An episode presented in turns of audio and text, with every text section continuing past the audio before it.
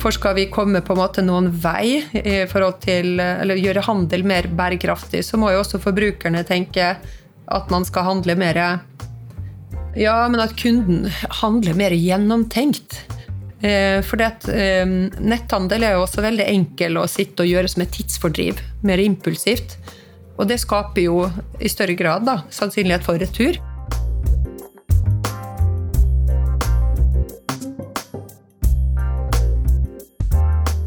Da Guro Forseth Smith grunnla Floyd.no i 2011, hadde hun ingen praktisk erfaring med netthandel. Hun gikk fra å sitte i ledergruppen i Hennes og Maurits til å arbeide alene i en krok på grossistlageret til familiebedriften Floyd, med å fotografere produkter og pakke varer. En tydelig visjon og utholdenhet har i dag tatt Floyd.no til 110 millioner kroner. Og de 56 ansatte får nesten ikke plass på lageret.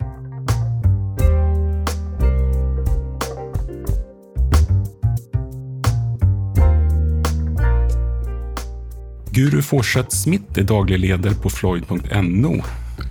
Tack för att jag fick komma hit idag. Veldig hyggelig å ta deg imot. Men vi är i Holmestrand. Det, det är väl en, en dryg timme från Oslo med tåg. Mm. Ja. Du har en jättespännande bakgrund tycker jag. Du, du jobbade, du satt i, i, i ledningsgruppen på Hennes och Marits i, i H&M i Norge. Jobbade med kommunikation.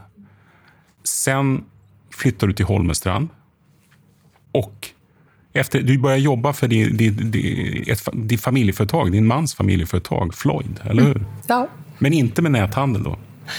Nej, um, vad ska jag säga? Eh, Livet er jo en reise, og, og, mitt siste stoppested før jeg begynte i Floyd, det var i Hennes og Maurits. Um, og av familiære årsaker, da, det er jo som når man får barn, så, så legges livet i nye folder. Så blei det sånn til at, uh, at, vi måtte flytte ut av Oslo. Men, uh, og da var jeg heldig å få lov til å begynne i Floyd um, og jobbe for mannen min. Um, I Floyd AS, da, som er et grossistfirma som selger egen merkevare, som heter Floyd. Mm, en velkjent merkevare for klær for tøy for kvinner? Ja, jeg vil jo si at den er velkjent. Floyd var jo etablert i 1985. sånn at uh, det er jo et merke som mange kvinner i Norge kjenner til. Mm. Hva gjorde du på HM? Jeg stifta bekjentskap med henne som Maurits uh, da jeg var medierådgiver for dem og la mediestrategier og var involvert i markedsavdelingen i HM i Norge. Jeg eh, kan vel huske Jørgen Andersson, som han het, som var global eh, marketing director i HM. Men Du jobbet på en global, global nivå? da? Altså. Ja, vi, vi var samla, eh, alle markedsansvarlige og kommunikasjonsansvarlige på globalt nivå. Når vi la planer, og hvor det var rulla ut aktiviteter fra, fra Stockholm. Da. Men, og gjorde execution i det norske markedet. Så, så, allerede som medierådgiver så var jeg jo i prosesser som på en måte var knytta tett på HM. Og da de skulle ha en ny kommunikasjonsansvarlig, så var jeg oppfordra til å, å, søke der også. Mm, mm. HM er jo et jätteforetak. Det er jo et globalt jätteforetak. Eh, sen började du jobba for Floyd, som er jo et, även om det er välkänt, så er det et mindre foretak. Mindre selskap. Kunde du ta med deg noe av de her erfarenhetene fra, fra H&M til, til, Floyd? Ja, masse. Ja. Det, men det var jo sånn som når jeg plugga det, eller når jeg gikk på skolen, så husker jeg at jeg skrev en femårsplan fra da jeg skulle være ferdig student. Okay. Eh, og et av målene mine var å jobbe for den kuleste merkevaren i Norge. Og det var Solo, en appelsinbrus. Så jeg tenker jo at da jeg, Altså som man drikker? Som man drikker. Ja, okay. Og det var sånn, når jeg da fikk eh, anledning til å jobbe med HM, som er jo en langt større merkevare enn Solo, så, så, var jo det helt fantastisk. Så eh, det overgangen da fra å jobbe med en sånn eh, velkjent merkevare til å komme til Floyd da, som en mindre kjent merkevare, det var en overgang fra å være egentlig ganske populær og en person som eh, satt et sted hvor mange ville ta kontakt og samarbeide, til å starte å jobbe med noe som var veldig mye mindre kjent. Så det var på en måte som å starte på scratch igjen. Da. Var det jobbig, eller? Det var uvant i starten å ikke være Ja, det fikk mye nei, da. Eh, nei takk. Nei, jeg passer ikke. Nei, det kan vi ikke. Så du må virkelig jobbe hardt da, for å, å komme deg i en posisjon hvor du blir interessant igjen. Mm, mm. Men, men da jobber du for grossistverksamheten, eller hur? Mm. Mm. Men det, det, eh, det trøtnet du på, eller? Ja, jeg vet ikke hvem som var trøttest, om det var mannen min eller meg. For du jobber sammen med din mann? Ja, ja, sånn at eh, Nei, jeg tenker jo det at jeg fikk jo ikke tatt ut mitt potensial i den rollen jeg hadde da. Jeg var jo kjempeheldig som fikk jobbe samtidig som jeg hadde små barn. Ehm, så jeg gikk inn på teamet med svogeren min istedenfor, ehm, som driver butikkene for Floyd. Mm. Så jeg var på butikkteamet en periode også. Mm. Når, når, når begynte du kjenne at du ville starte netthandel? da? Det var vel um, en mulighet jeg så etter å ha vært i Floyd og jobba med grossistdelen og på en måte fått mer feeling med merkevaren Floyd og vært på butikksiden og jobba med butikkene, fysiske butikkene til Floyd. hvor så, ja, det ligger jo et område her med et domene som, som, trenger noen til å ta tak i det.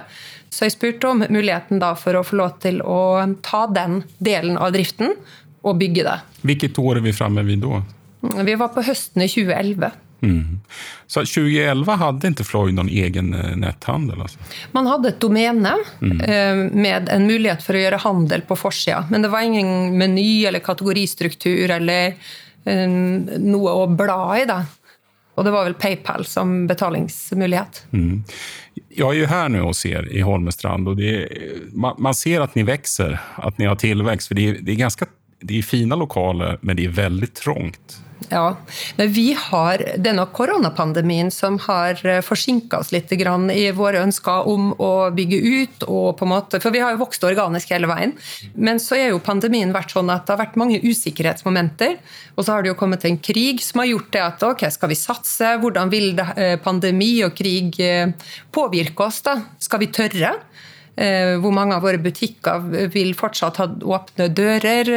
Hvor mange av dem som kjøper Floyd sitt merke, vil fortsatt handle? Eh, ja, så Mange usikkerhetsmomenter har gjort at vi har venta og venta, men nå har jo på en måte kontor og lager smelta helt sammen. Så ja. vi, vi, må virkelig eh, liksom det känns, Även om det er glasvegger her, så kjennes det nesten som vi sitter på lageret. Ja, og, og, det tror jeg nok vi fortsatt skal gjøre i det nye bygget. At vi skal sitte tett med kontor og lager og ha driften helt på pulsen, men ikke så tett. Du var tvungen å sette opp en lapp på døren her, det er for at du sa det, at folk kommer hele tiden og vil prate med deg. Mm. Mm, for det er så du vil ha det. Ja, jeg syns det er fint å ha tett kontakt med de ansatte og være tilgjengelig for spørsmål liker jo å være involvert. Det er nok en, en, en, sideeffekt av å være en gründer som har holdt i alt selv og vært vant til å ha en finger med i spillet overalt. Mm. Men, men når du startade der, du var helt selv. Alltså. Du ja. var ensam, en person. Mm. Ja. Så da gikk du fra å ha sittet på, på, på global nivå på H&M till ett litet hörn här. Du pekade ut här innan ett litet hörn här på lagret. Mm. Ja. Vad var visionen og hva var det første du gjorde? Jeg tror nok at uh, noe av det første jeg tenkte, var at nå skal jeg virkelig vise. Nå skal jeg vise hva jeg er god for. Og jeg tenkte nok også at uh, nå får jeg virkelig bruk for all erfaring jeg har gjort med så langt i arbeidslivet. Både innenfor markedsanalyse og markedsføring, kommunikasjon. Eh, jeg hadde jo ingen erfaring med netthandel, bortsett fra det lille jeg hadde jobba med i HM, da, mot hm.com eh, Norge, eller Rowells. Men uh, ingenting i forhold til den teknologiske biten. Hvordan skaffet du deg kunnskap? da? Nei, det er jo learning by doing. Aha. Eh, så du må jo ja, si, lære å håndtere et kamera, lære deg å jobbe i Illustrator og Photoshop. Ja, du gjorde alt. Du, det var ikke bare, du fota, du pakket Ja. Aha. Og samarbeide med mm, teknologiselskap som leverte butikkdataløsninger. Eh, eh, Snakka med transportører og fikk opp hva jeg skal si, avtaler med dem. da. Så det er jo alt. Hva var vanskeligst der i begynnelsen? Tid er nok det som har vært eh, en utfordring i starten. Jeg syns også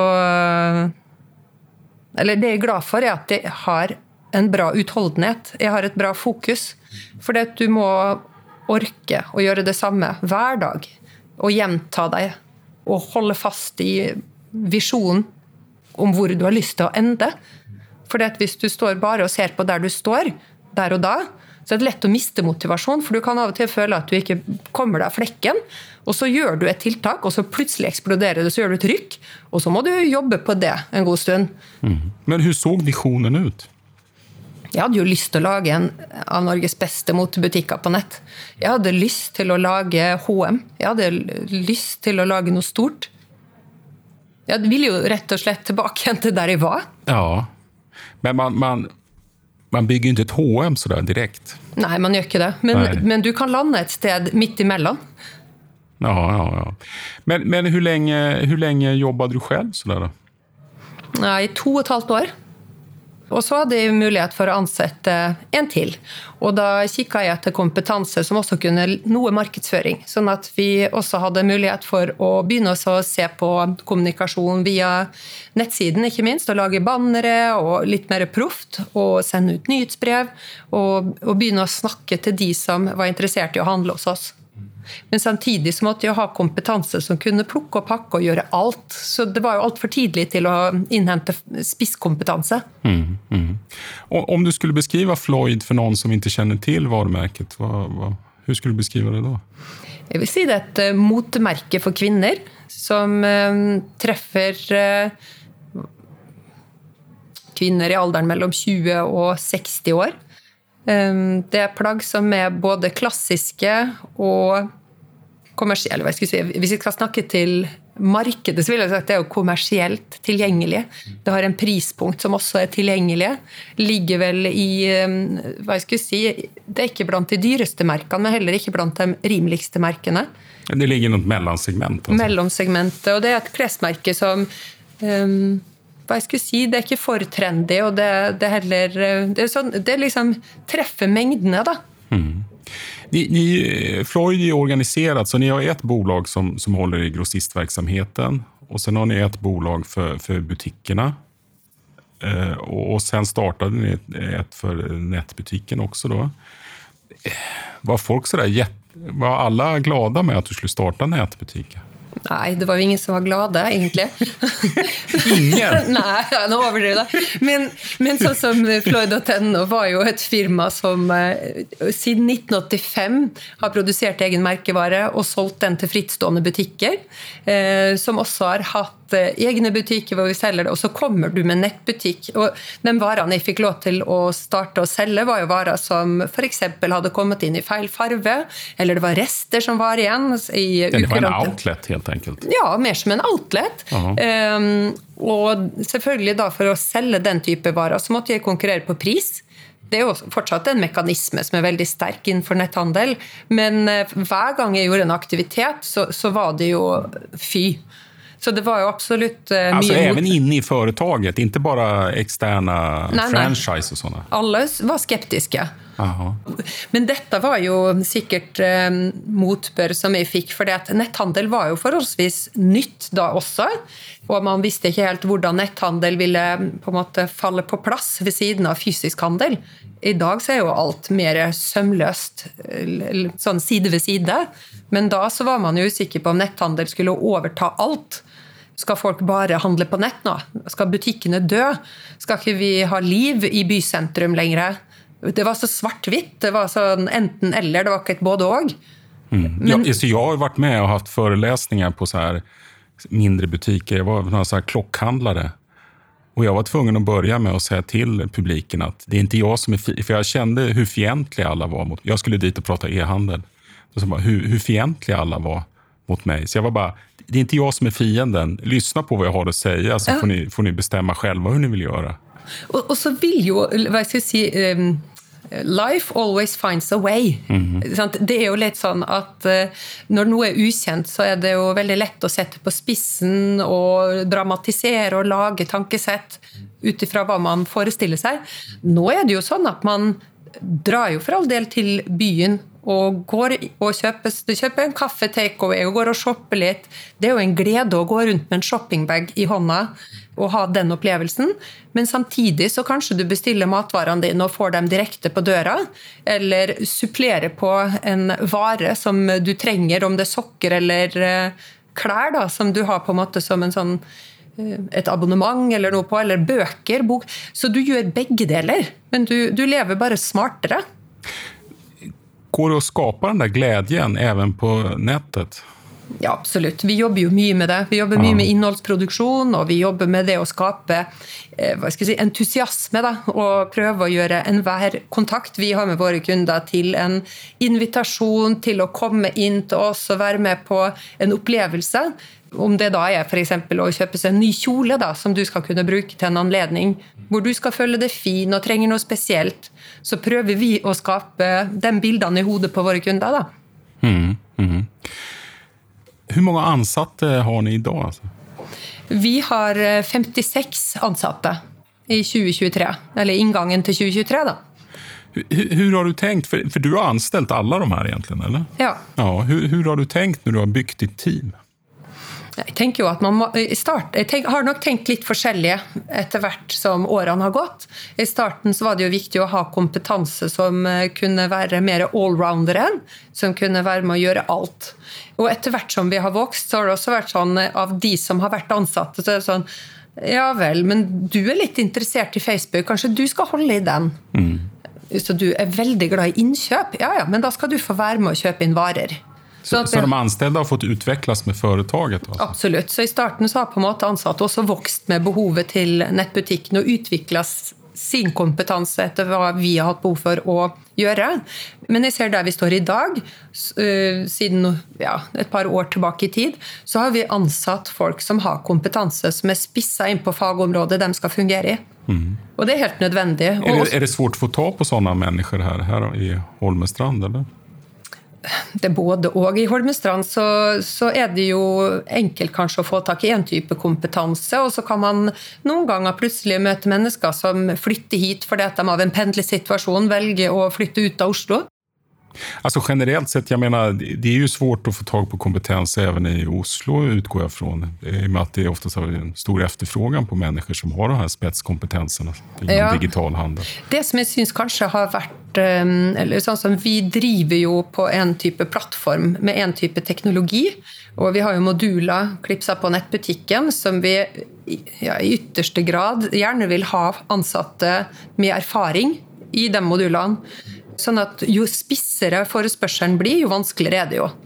Og nå har jo vi vært i en fase hvor vi trenger folk eh, til å sette i gang med en gang på noen virkeområder. Mens i andre mm, avdelinger på Floyd.no så har vi ansatt mennesker som vi lærer opp, og som på en måte får lære seg våre verktøy, og så bruker vi tid på å sette dem inn i det. Mens i tredje eller i andre avdelinger igjen så skal man f.eks. utføre oppgaver hvor det ikke er noe faglig kompetansebehov mm. som er spesiell. Mm. Hvor mye omsatte dere forrige året? Da? I fjor så ligger vi vel på rundt 110 millioner. Mm. Det er jo ganske mye? Da. Ja, det er jo ganske mye. Ja, det er bare e-handel? Det er ren e-handel. Ja. Og Hvor stor andel er det av hele Floyd? Da? Det er ca. 25% av hele Floyd. Ja. Så e-handel har virkelig blitt en viktig del av Floyds virksomhet? Ja, absolutt. Ja. Det en... Um hva skal si, stadig Man henter jo inspirasjon eh, digitalt for å gå og handle i fysisk butikk. Og er jo, noen er jo kanskje kunder både på fysisk butikk og på nett. Vi, vi, jobber jo veldig mye med foto og film, og det kommer jo alle til gode. Uansett eh, hvilken butikkdør vi har. Mm, mm. Men, men, går det å sammenfatte hvorfor det har gått så bra? Kan du, kan, när var første gangen du kände så att, vad var det som hände då? Ni kände att det her kommer bli bra, det her kommer bli stort, det kommer funka liksom?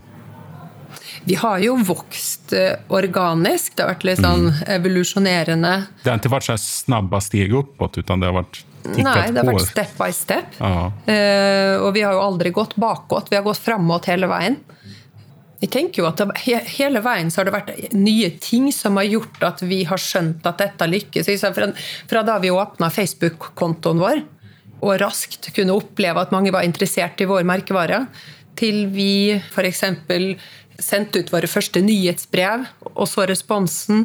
Jeg Kan jo huske når vi på en måte begynte å si, jobbe mye mer strategisk ut ifra tall fra Google Analytics f.eks., og begynte å forstå trafikktallene våre og taktisk begynte å planlegge hvordan vi skulle oppføre oss i butikk for å treffe riktig, da, om det var SEO-messig, eller hvor mye vi la vekt på noen produktsider eller landingssider da, kontra andre Men nei, det har, vært, det har vært stegvis. Det har vært et veldig bra teamwork. Vi har truffet veldig godt med innkjøp og kolleksjoner og satsinger. Det har vært veldig mye prøving og feiling. Så jeg må jo si det at den gjengen som jobber på floyd.no, har jo en veldig nysgjerrighet og er veldig endringsvilje hva jeg skulle si, Vi jobber godt som et team hvor vi sammen også analyserer hva det vi har gjort bra.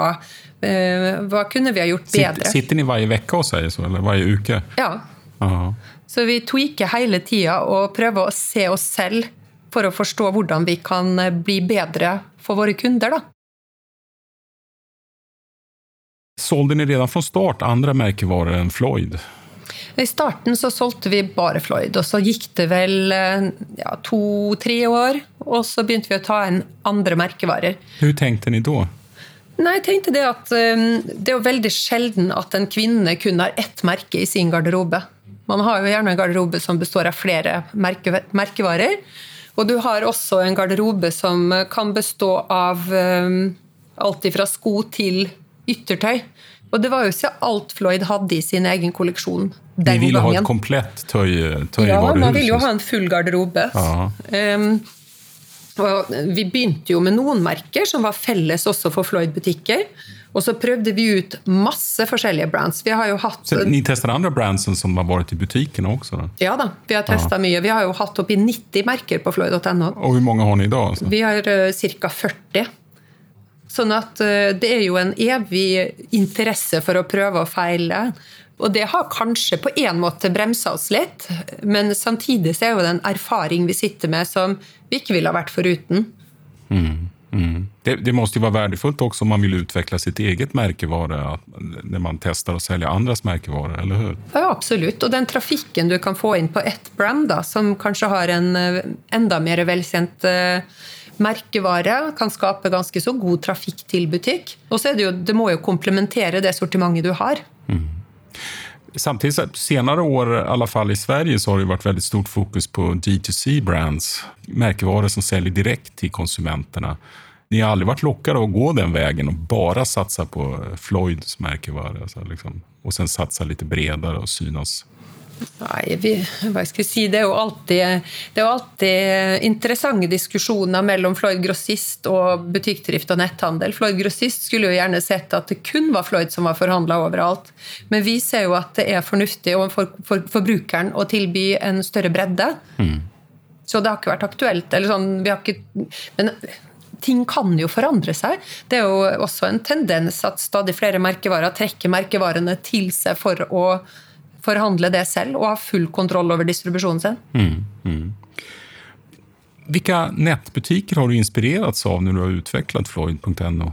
Ja, det er mange. Jeg er jo en ivrig netthandler, og hver gang jeg er liksom ute for å handle for min egen del, mm. så er jeg veldig oppmerksom på funksjonalitet og moduler og hvordan jeg blir møtt som kunde.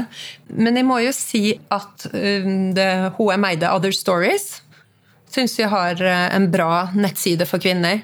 Innholdsmessig og funksjonalitet og ja, i måten de kommuniserer. Mm. Vi har også kikka på Ellos en del i forhold til design og hvordan de legger opp jeg si, elementene på site. Hvordan kommunikasjonen henger sammen med kampanjestrukturen. Um, vi har kikka på eh, Gina Tricot, en litt annen aktør. Det er masse Borås-foretak her. Det er masse Borås-foretak. HM. Um, Boost har vi også sett på, men der er det jo mer i forhold til takten på kampanjer. og uh, De er jo mye mer edgy på det som eh, går på pris og produkt. Mye mer... Boost har jo vært forvånansvært framgångsrik altså, siste mm. åren, tycker jeg. Det, det, er vel en av de som stikker ut, tycker jeg, når andre som Naked og sånne har hatt problem. Mm. Ja, hvorfor tror du at de har vært så framgångsrike? Jeg tror det går på Det er bare min antakelse. Mm. Jeg mm. tror det går på um, hvordan de spisser kampanjer. Det er mye rabatter det er jevne rabatter. De jo et, må jo ha et eh, veldig bra lager. Mm. Stort lager. Mm. Um, sånn at de får levert alt de gjør. Det, det, er jo en nettbutikk som sikkert treffer veldig godt på shopping-ads. da. Det er kanskje ikke den nettbutikken du har et sånt personlig forhold hvor du går inn der for å få en god opplevelse og atmosfære, sånn som kan Other Stories gir i større grad. Boost er en maskin. Det er mer som en markedsplass? Ja, jeg vil jo si det. Har ni fundert på å selge på Zalando?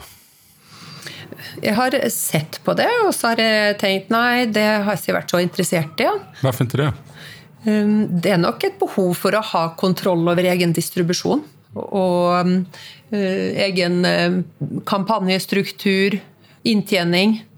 Vi har ikke hatt eh, hva skal jeg si, Vi har jo vært på et, um, en, en lignende sted som heter Minto.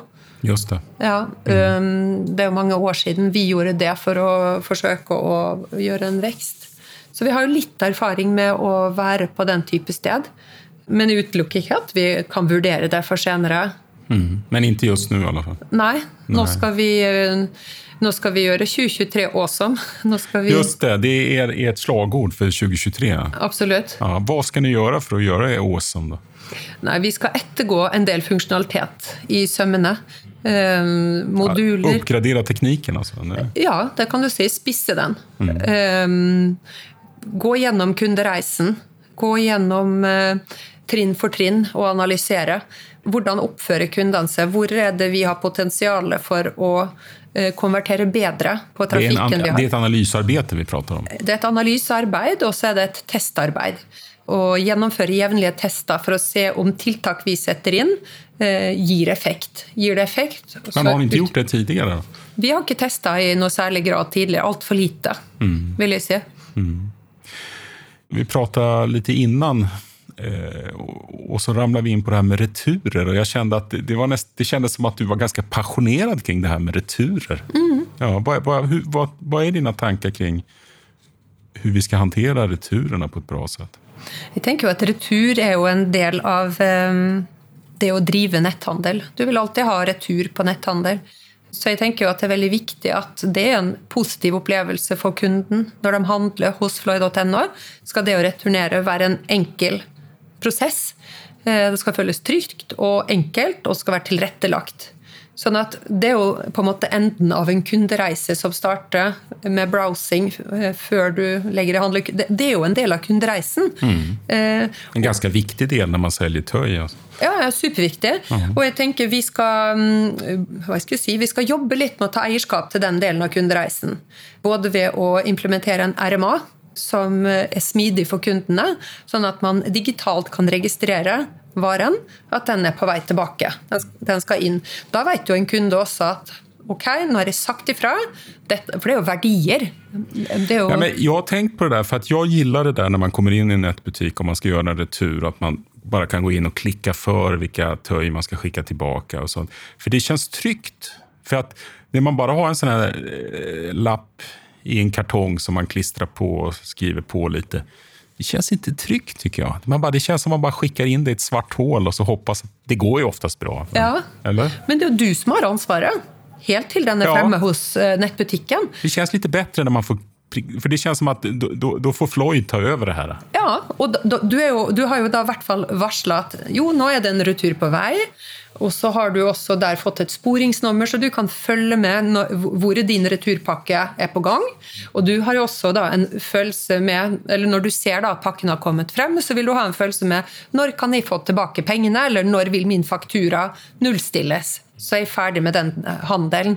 Sånn at eh, Det er jo den delen vi ser på til, eller fra et kunden, kundes perspektiv.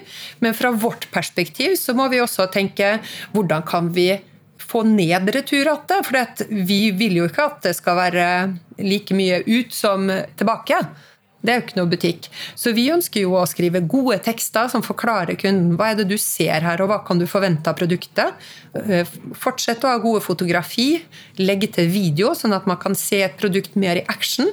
Vi kan også gjøre størrelsesinformasjon mer tydelig, sånn at man kan forstå Jo mer treffsikker en kunde kan være når man handler, jo større sannsynlighet er det for at det passer når du får det hjem. Og så er det jo også en ting det som jeg tenker på, det, at man blir jo litt blind på egen bransje. Det kan være man driver med næringsmiddel eller klær, men man antar at kunden forstår sammensetninger. Men det er ikke alle som forstår det. hva en sammensetning av et produkts kvalitet, f.eks., hvordan det vil oppføre seg på kroppen. Ja, du Selve materialet, altså? Mm. Ja. Sånn at man kan jo også da gi kunden bedre hjelp da, til å foreta et riktig valg. For min erfarenhet er når man handler klær, særlig jeg handler en del på Zalando, så der, det, de kjennes som at tekstene er nesten automatisk genererade. Det, det, det, är väldigt lite information och, och väldigt lite beskrivningar. Man, man, får, det är bilderna man har å forholde seg til. Det, det, er en opplevelse jeg ofte har i nettbutikker. Ja, og hvis man da La oss si du blir forelska i hvordan et plagg ser ut, og du handler fordi du liker fargen, eller du antar at passformen ser bra ut. Og så vet du også at det er lett å returnere det, sånn at den sjansen tar jeg. Men man skal jo heller ikke undervurdere at det ligger jo litt arbeid for en kunde i å motta en vare, prøve det, pakke det inn igjen og returnere det. Det, er jo en jobb med det også. Det, kunden vil jo i utgangspunktet at dette skal passe. Det har, ju, det har ju kommit eh, vetenskapliga undersökningar i, i, Sverige i alla fall, där, där man skriver att många av returerna går direkt ner i soptunnan. Alltså, man slänger dem när de kommer in. Hva tenker du kring det? Uh, hos nettbutikkene? Mm. Oh, ja, Nei, det gjør vi i hvert fall ikke her. Nei, nei. For det uh, kjennes jo ikke bra, tenker jeg. Nei, nei, nei. Det er jo helt uh, fruktansvært. Jeg tenker jo det ligger jo en forbedring da, hos forbrukere i å forbruke riktigere, eller mm -hmm. være mer bevisst sitt forbruk. For skal vi komme på en måte noen vei i forhold til, eller gjøre handel mer bærekraftig, så må jo også forbrukerne tenke at man skal handle mer Ja, men at kunden handler mer gjennomtenkt. Mm. Eh, for eh, netthandel er jo også veldig enkel å sitte og gjøre som et tidsfordriv. Mer impulsivt. Og det skaper jo i større grad da, sannsynlighet for retur. Når vi mottar returer, så kan det jo være plagg som har blitt ødelagt av sminke eller på en måte opplevd noe hjemme hos en kunde som gjør at det ikke er salg, salgbart igjen. Men jo, da må man jo også snakke med kunden om hva som har skjedd. Eller at man eh, da tenker at eh, ok, det plagget her må vi gi videre. Og vi har jo samarbeid med veldedige organisasjoner som tar inn tøy, mm. som da ikke lar seg selge igjen. Forrige året så så tog man inn i svenska ordlistan returmissbrukare. Mm. Har ni sånne bandera kunder? Ja, det er en liten, liten mm. andel kunder shopper på nett uten å tenke sånn. De er veldig få. Og nå er vi i 2023. De fleste er mye mer bevisste sitt konsum. I starten, da jeg begynte med Floyd.no, så var det ekstremt. Og det var det var mye retur, og det var også en annen måte å motta retur tilbake igjen på. Jeg fikk tilbake klær som ikke var behandla pent. Oftere. Jeg opplever jo nå en veldig samvittighetsfull forbruker. Konsumenten har blitt bedre på å ja, jeg må jo si det. Jeg ser en forskjell at man på en måte får tilbake tøyet pent bretta, lagt inn i original emballasje. Kunden forstår jo at ansvaret ligger hos dem, også på å levere ting ordentlig tilbake igjen. De fleste kunder på floyd.no leverer jo tøyet tilbake igjen veldig pent, og er ansvaret sitt bevisst. Men vi har jo selvfølgelig noen kunder som, som impulsshopper. Mm, det, det, er noe svårt å komme unna det der. Men tenk, skal, skal retur koste penger? Ja, jeg syns det. Hva, hva, tar ni betalt i da? Mm. Vi tar 39 kroner mm. i et retur. Er det er kostnad for frakt, egentlig? Eller? Ja, det er frakt og håndtering. For håndtering er kanskje dyrere enn frakten? Ja, det er den jo. Mm. Det er den jo. Og, og, frakten er jo stadig dyrere, både med drivstoff og krav som ligger på transportørene til å oppgradere bilpark, til å lage større distribusjonssentraler. Sånn at vi er jo hele tida pressa på frakt. Men så har det jo vært en kutyme i netthandelsbransjen at man skal tilby fri frakt. Det har jo vært den sterkeste USP-en, eller blant de sterkeste USP-ene. Men jeg opplever jo at tiden er moden for å betale frakt nå. Det er lite forandring, det kjenner jeg av også. måtte jeg si. Ja, og vi har jo et sånt minstebeløp uh, som man må handle for, og så får du fri frakt om du handler over det. Mm. Mm. Uh, Der man betaler for returen. Man betaler for retur. Ja, man har fri retur, men det er en returavgift på det. Men vi har jo også differensiert, sånn som ekspressprodukter, som også for oss er såpass dyrt at vi kan tilby det gratis lenger, mm. Men, Ja. men en kunde vil jo måtte betale for drivstoff og parkering om man skal til en handelssentrum også. E-handeln har ju varit väldigt drivet av pris hela tiden och särskilt inom modebranschen så har jo konkurrensen varit jag, menar, jag tror mycket det som har drivit fram det här med fri frakt det är ju att konkurrensen har varit relativt hård mellan olika modeaktörer, eller hur? Jo, det er absolutt. Så man har jo på en måte hatt fri frakt, eh, fri retur som viktig innsalgspunkt, og også leveringstid. Eh, og det at det skal være enkelt. Ni har et veldig fint varemerke som er vel etablert i, i, Norge. Hvorfor selger dere ni utenlands? utomlands? Vi, vi spekulerte i det på et tidspunkt som en vekststrategi. Dere funderte på det? Ja, vi tenkte på det, og det hadde vært gøy. Vi var på en måte i en tidlig fase på Floyd.no. Men så har vi landa på det at vi har et stort uforløst potensial i Norge. Og markedsandelen til Floyd i Norge ligger på ca. 1,6% så vi har veldig mye å gjøre her. Og jeg har jo veldig lyst til å være en ekspert på norske kvinner. Mm. Og ha en nettbutikk som kan være spesialisert og tilrettelagt, og et opplevelsessenter for norske kvinner. Og lykkes med det. Men, Og men det kjennes ikke som at svenske kvinner skulle være så annerledes, egentlig? eller? Ja, det kan ikke, Hvor annerledes det er, det vet jeg ikke. Men, men jeg tenker på at da må man lage en helt annen rigg. Da må man rigge organisasjonen for å rettes mot det svenske markedet og, og, og løfte fokuset ut. Da. Jeg ser ikke bort ifra. Jeg tenker jo Sverige kan være et kjempeinteressant marked for Floyd. Jeg tror vi hadde hatt masse vi kunne ha fått til der. Så jeg utelukker det jo på ingen måte. Men første steg nå er å knytte nettdriften og butikkdriften enda tettere. Få- Hur, hur det gå til? Nei, Det er jo stegvis i forhold til um, å bruke butikkene som et utleveringssted. Og få knytta deler av lageret i butikk opp imot uh, Floyd nettbutikk. Um, altså om det er slut på ert lager så skal ni kunne sende fra en butikk, eller? Ja, Hvordan vi skal løse det teknisk, har vi ikke kommet frem til, men vi ønsker det å ha en synlighet på hvor du kan få tak i varen Ja. når du er på, på nett. Ja. At vi synliggjør butikkenes lager også. Vi har jo en eh, vi har, sånn som På Floyd.no har vi ca. 40 merkevarer, men i en gjennomsnittlig Floyd-butikk så ligger vi kanskje med 10. Så vi har ikke full match på alle merkevarer. Så vi må lage en modell som er, tar høyde for den forskjellen. Da. Ska det skje ske under 2023, eller? Vi begynner å arbeide med det, og også bygge lojalitetsprogram som knytter Floyd-kunden på tvers av kanalene. Det låter som ni holder på å bygge bygga en ganske avansert plattform. Då. Ja, vi, vi har jo stått på stedet hvil og brent eh, etter å, å liksom kjøre på under koronaen. Vi har jo riktignok eh, lansert, oppgradert nettbutikken og fått på plass et ERP-system, et nytt ERP-system. Starta med skannerbasert eh, plukking og digitalisert oss.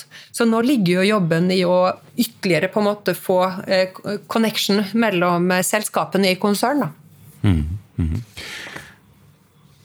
Hva skal ni gjøre mer for å bli awesome 2023? Jeg tenker Det handler om kundelojaliteten, og det handler om kundereisen. Og det handler om kolleksjonene. Vi skal fortsette å levere varer som folk vil ha. Eh, Det skal vi gjøre i tillegg til at vi skal, ha, vi skal jobbe med å opprettholde det gode arbeidsmiljøet og alt det gøye vi gjør på floyd.no. Det skal, være, det skal være morsomt å jobbe her, og det skal være gøy å jobbe med både teknologiske prosesser og varene vi jobber med. Hva, hva er det viktigste som ledere å, å få at, at alle drar åt samme hold, og at alle har det gøy på arbeidsplassen? Det er veldig viktig å, at alle har samme informasjon. Nok informasjon, at målene som ligger for bedriftene er tydelige. Alle vet hvilken vei vi skal gå. Ofte er det jo sånn at når man ikke har informasjon og ikke vet, så, så blir man jo også usikker. Det må være helt tydelig hvor vi skal. Jeg tenker også det å jobbe mye med teamwork. Gjøre ulike aktiviteter sammen både på avdelingsnivå og totalt sett. Ni är ju fortfarande så pass få så att jag menar, alla känner väl varandra till namn, eller hur? Jo da. Ja. Det, og vi har jo sosiale sammenkomster, og vi har eh, faste eh, Hva skal jeg si eh, Om det er fredagspils eller halloweenparty. Um, det, jeg tenker jo litt det der at vi føler jo, selv om vi er, hva skal si, vi er en bedrift som begynner å vokse, vi er fortsatt på fornavn med hverandre alle sammen. Og selv om du står i en driftsavdeling og pakker, så kjenner du til hvilken kampanje kommunikasjonsavdelingen har satt i gang, og hvorfor det plagget du står og pakker, er det som kunden har kjøpt nå. Du skjønner det, for vi prøver å holde alle informert om aktivitetene som pågår, og involvere. Mm. Du har jo veldig store ambisjoner. Har du bygd företaget utifrån det, så du har prosesser for å omsette mye mer enn hva ni gjør i dag? Vi har jo prosesser hvor vi på en måte søker å identifisere nøkkelfaktorene for bedriften. For å komme ut med hvilke KPI-er vi skal jobbe på for året. Og forankre de prosessene utover i organisasjonen, sånn at alle som sitter i de ulike delene, får, en mulighet til å bidra da, på eh, nøkkeloppgaver som vi har. Og når man også blir involvert og kommer med forslag til hvordan dette kan løses, for det er ofte dem som sitter tettest på en oppgave, som kanskje kjenner bedre til en vei, eller kommer med forslag til en løsning. Mm. Um, og så går vi for det. Ja. Hva er det som har vært mest gøy da, under de her årene? Jeg er veldig glad i å skape. Jeg er veldig glad i å um, finne løsninger. Um, du er entreprenør, helt enkelt? Jeg er nok det. Aha. Jeg elsker prosjekt. Det å stå foran en problemstilling og tenke ut hvordan man kan løse den og komme rundt den, og sette i gang tiltak og så se effekten av tiltakene og vurdere det, og så kanskje gjøre et annet tiltak og se at det funka enda bedre, det gir meg en sånn enorm glede. Det gir meg en sånn motivasjon. Det, det, både på jobb og hjemme. Sånn som når noen sier til meg at Wow! Du har liksom bygd en bedrift som omsetter for 110 millioner, så bra. Så sitt, jeg tenker ikke så hardt på det. Reflekt, sånn, jeg har det gøy på jobb. Og jeg har eh, veldig sterk eh, motivasjon i forhold til det å skape. Men jeg sitter jo, jeg sitter jo ikke og ser på omsetningen. Omsetningen er en faktor, men det er jo ikke derfor vi er her. For vi er jo her for å lage Norges beste butikk. Det var bra sagt. Det, det er min erfarenhet at entreprenører det, det, det er jo jeg mener, mer aksjehandlere som tenker på siffer på det settet? Ja, vi gjør ikke det. Vi, vi, vi, blir gira av å se at en kjole vi legger ut for salg, får enormt med, La oss si vi sender ut en SMS, så sitter jo vi på livestreaming på kvelden og ser responsen i trafikken på den SMS-en. Og, og ser Oi, fantastisk! Eller vi kan f.eks. ta en satsingsvare som kan være en kjole. Og så kan vi um, tenke at nå har vi tatt hardt det, men vi er enige. Vi skal, dette er en satsing. Men når du ser den forsvinne på ei uke, og du sitter igjen og er helt blown away Fantastisk. Vi skulle satse hardere. Ja, Men vi kunne jo ikke det, for vi tok jo så hardt det. Mm.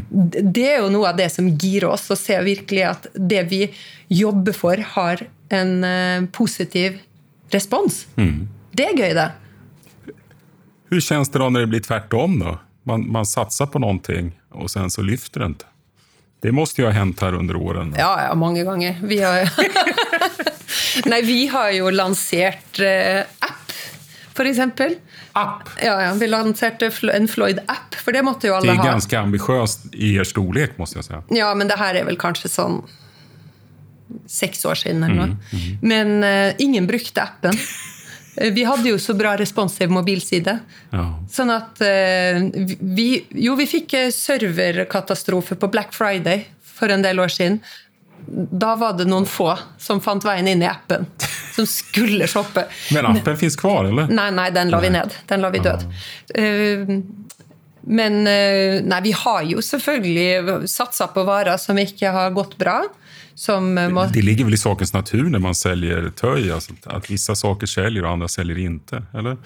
Ja, men Det ligger jo i livet. Man lykkes Aha. jo ikke med alt. Nei. Man vil jo gjerne det, men man gjør jo ikke det.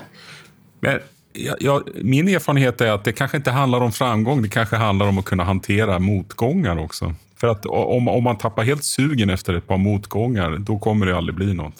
Nei, og så må man jo også tenke at aha, da gjorde jeg feil. Neste gang så, så vet du hva, nå lærte jeg Kunden vil jo ikke ha den. Mm. Eller, Men da handler det om å analysere også. Hvorfor vil de ikke ha den? Ja, man må jo kikke seg bakåt hva man har gjort da, for å forstå bedre hvordan man skal agere fremover. Sånn er det jo hele veien. Men, men jeg tenker jo at eh, noe av det jeg har lært mest av, er jo ting som ikke har gått bra. Det bruker vi også. Ja. Ja, men bra. Guru Forseth Smith, daglig leder på floyd.no. Stort takk for at jeg fikk komme hit i dag. Takk. Veldig hyggelig å ha deg her, som sagt. Hei. Velkommen tilbake. Ja. Hei. hei. hei.